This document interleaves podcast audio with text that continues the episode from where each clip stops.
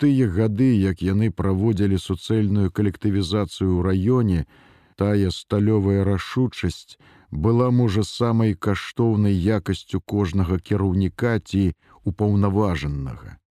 І калі войцік з вялікаю цяжкасцю, цаной недасыпу, стомы пагросы абяцанняў, неяк зладзіў за зіму якія чатыры калгасы, дык ягоны начальнік загадчык райза, хмялеўскі за той час меў на сваім рахунку аж восем. Хмялеўскі мог дамагчыся ўсяго, што хочаш. Ён не рассусоліваў, як некаторыя, не ўгаворваў і не бавіў начэй на мляўкіх сялянскіх сходах. Ён ставіў пытанне рубам, абрываў нязгодных, проста і нават весела раскулачваў, і тады кожнаму рабілася зразумела: гэтай свайго даб'ецца. Ён дабіваўся, бо быў чалавек рашучы і ўпэўнены ў тым, што рабіў. Варта было аднойчы ўбачыць яго ўпэўненыя манеры, мажную паставу, яго крутое асадзістае падбароддзе, каб зразумець, што гэта кіраўнік вялікіх магчымасцей і пойдзе далёка. Войцік жа быў слабаваты характарам, а з выгляду Які ўжо выгляд уздыхляка недаростка да яшчэ хворага на язву страўніка. Так, хмялеўскі аж тры гады быў ягоным начальнікам і ягоным ідэалам кіраўніка. І хто б падумаў, што гэты ідэал так ганебна скончыць аднойчы. Пасля ўжо высветлілася, што знюхаўся з класавым ворагам, на сходах прапагандаваў адно, а рабіў зусім іншае і цяжком шкодзі ўладзе. Праўда, тады войцек не прыкмячаў за ім нічога асаблівага, але гэта мусіць таму, што ягоны загадчык умеў маскіравацца. І пасля заднім чыслом войцек пачаў успамінаць дробныя факты, якія, каб войцек быў болей праніклівы, маглі б у свой час навесці яго на пэўныя вывады. Ды не навялі. Войцек дакараў сябе найперш за страту палітычнай пільнасці. Хаця тады ён быў падначалены і што не рабіў, рабіў па загаду хмялеўскага.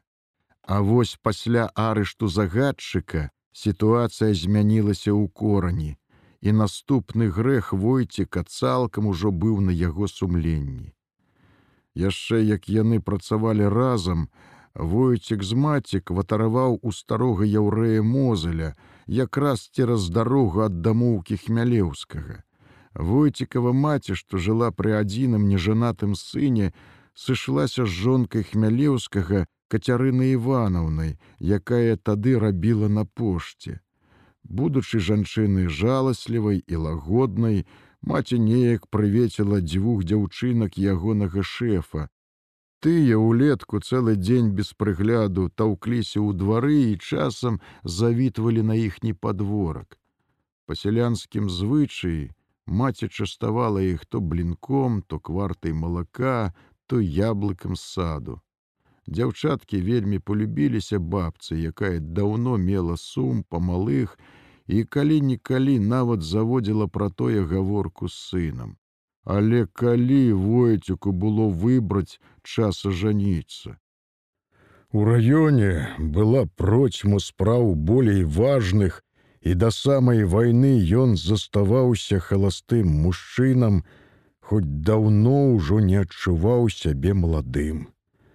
Звычайна ўвечары да іх забягала кацярына Івановна, дзякавала маці за дзяўчынак, і войцік увогуле быў задаволены, што нечым дагадзіў, калі не самому загадчыку, дык хоць яго жонцы, што таксама было няблага.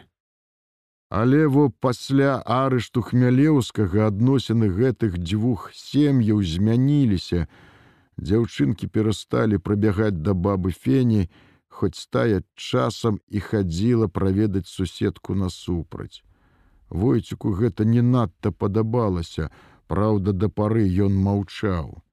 Не спадабалася яму і тое, як неяк на пачатку зімы маці попрасіла яго пасобіць суседцы дрывамі.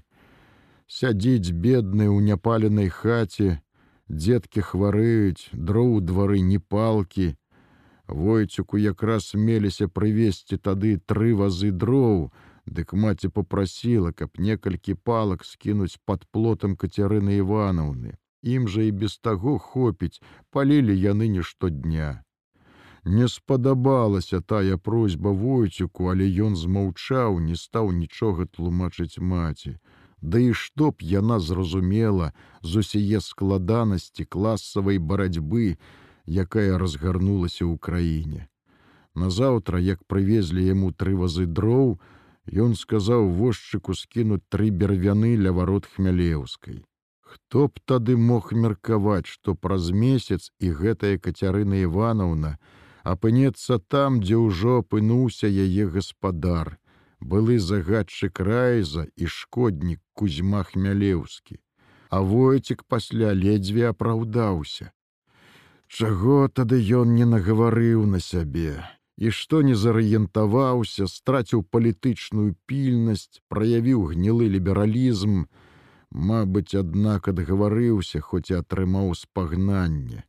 Горш, што простой выпадак яго не прызначылі на месца хмялеўскага.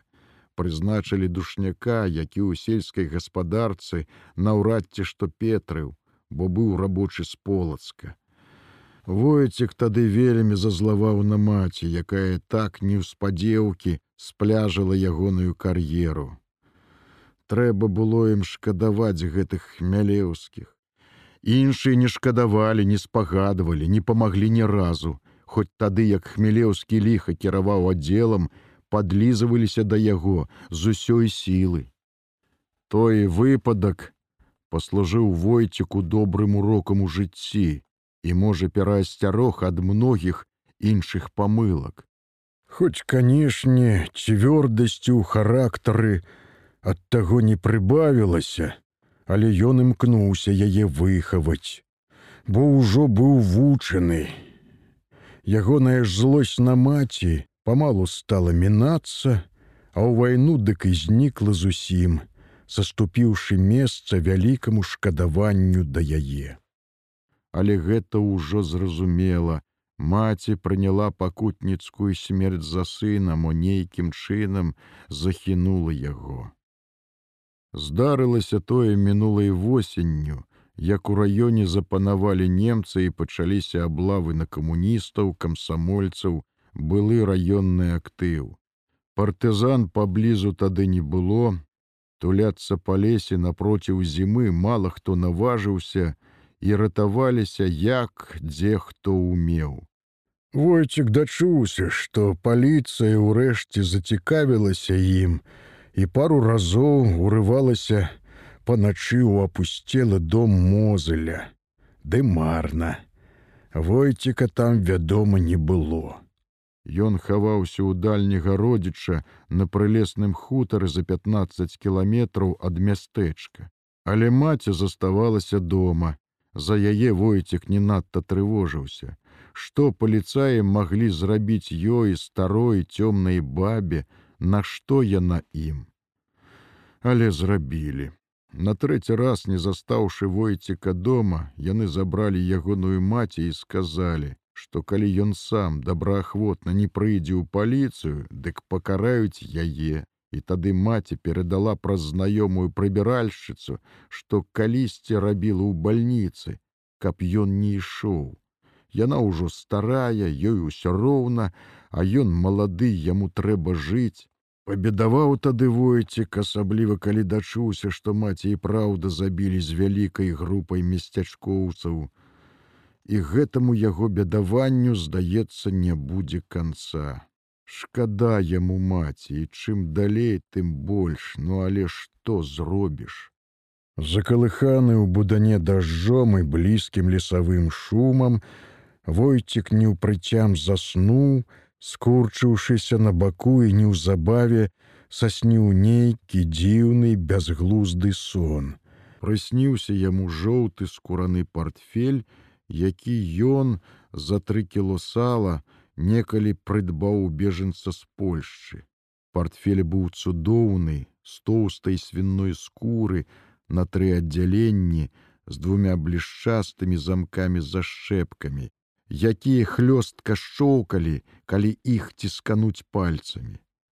Такога портфеля не меў ніводзін службовец у раёне, ды, мабыць, і ва ўсёй вобласці. Войцек дужа шанаваў яго, стараўся не надта набіваць паперамі, насіў толькі на працу у выканком, да яшчэ браў, калі ехаў у віцебск са справаздачай або на якую нараду. У вагоне ён заўжды клаў яго пад падушку, але так, каб не дужа прыціскаць галавой, не пашкодзяць акуратныя ражкі, аблямаваныя жоўтымі бляшкамі.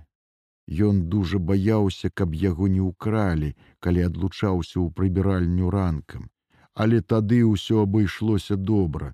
Партфель ён збярог да самай вайны і, як у мястэчку паявіліся немцы, схаваў яго на гарышчы за комінам. І вось цяпер ён прысніў той портфель, які быццам ляжаў на дашчаным стале ў штабной зямлянцы, а побач стаяла начальства, камандзір Трушкевіч, начальнік штаба і яшчэ нехта, яны чакалі войцека і калі той увайшоў, загадалі расчыніць портфель. Не ведаючы, што там і дужа боючыся чагось, Войцек дрыготкімі пальцамі націснуў на знаёмыя зашчапкі, падняў скураное вечка портфеля. Ён з непакоем чакаў убачыць там свае паперы, некаторыя дакументы і даведкі, а з портфеля раптам выкацілася вялікая гусіная яйка, за ім яшчэ два. Аказваецца, там было поўна яек, і быццам тыя яйкі былі дзесьці ўкрадзеныя, і затое прыйдзецца адказваць войціку. Войцік напалохаўся і не ведаў, як апраўдацца, а Трушкевіч тым часам ужо схапіўся за сваю абдрыпаную кабуру, мабыць, каб выканаць прысуд. Войцік схамянуўся ад страху і прачнуўся, не адразу пазнаўшы, дзе ён і што з ім здарылася. Нейкі час затым ён перажываў сон, не ў стане вызваліцца адразу ад яго брыдка страхавітага сэнсу і ўсё суцяшаў сябе, што глупства гэтыя яйкі і ўся гэтая недарэчная сцэна. Не хапала яшчэ яму палохацца сноў.